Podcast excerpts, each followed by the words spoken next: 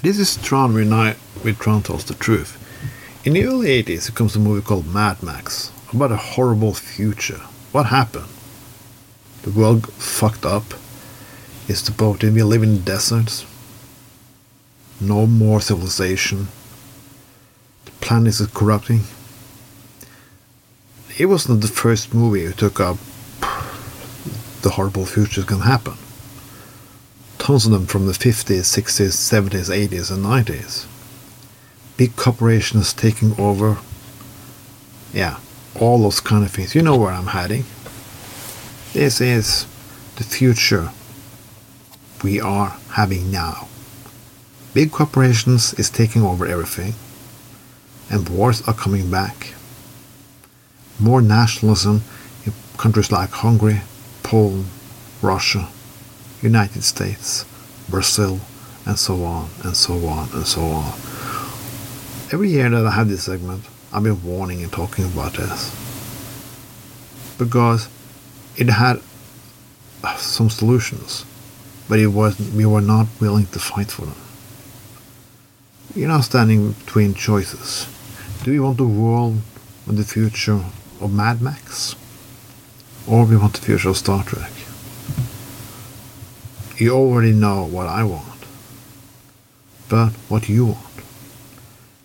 We see a lot of problems with the way we behaved for, for, for many, many years right now.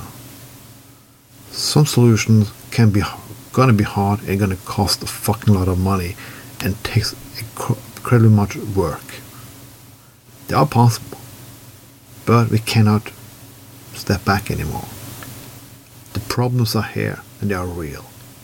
In this 2022, we can see what happened with climate change. It's getting worse and it's not getting better. It's no praying gonna help. No more putting your head in the sand gonna help. It's action is gonna help.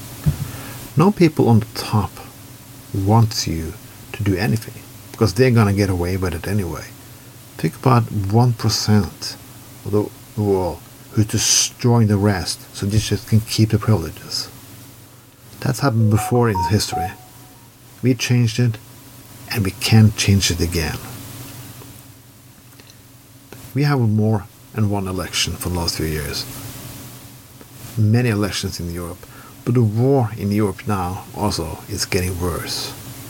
This can be only the beginning the weapon industry are earning more money now than they ever did. We spend more fucking money on weapons than any time in history.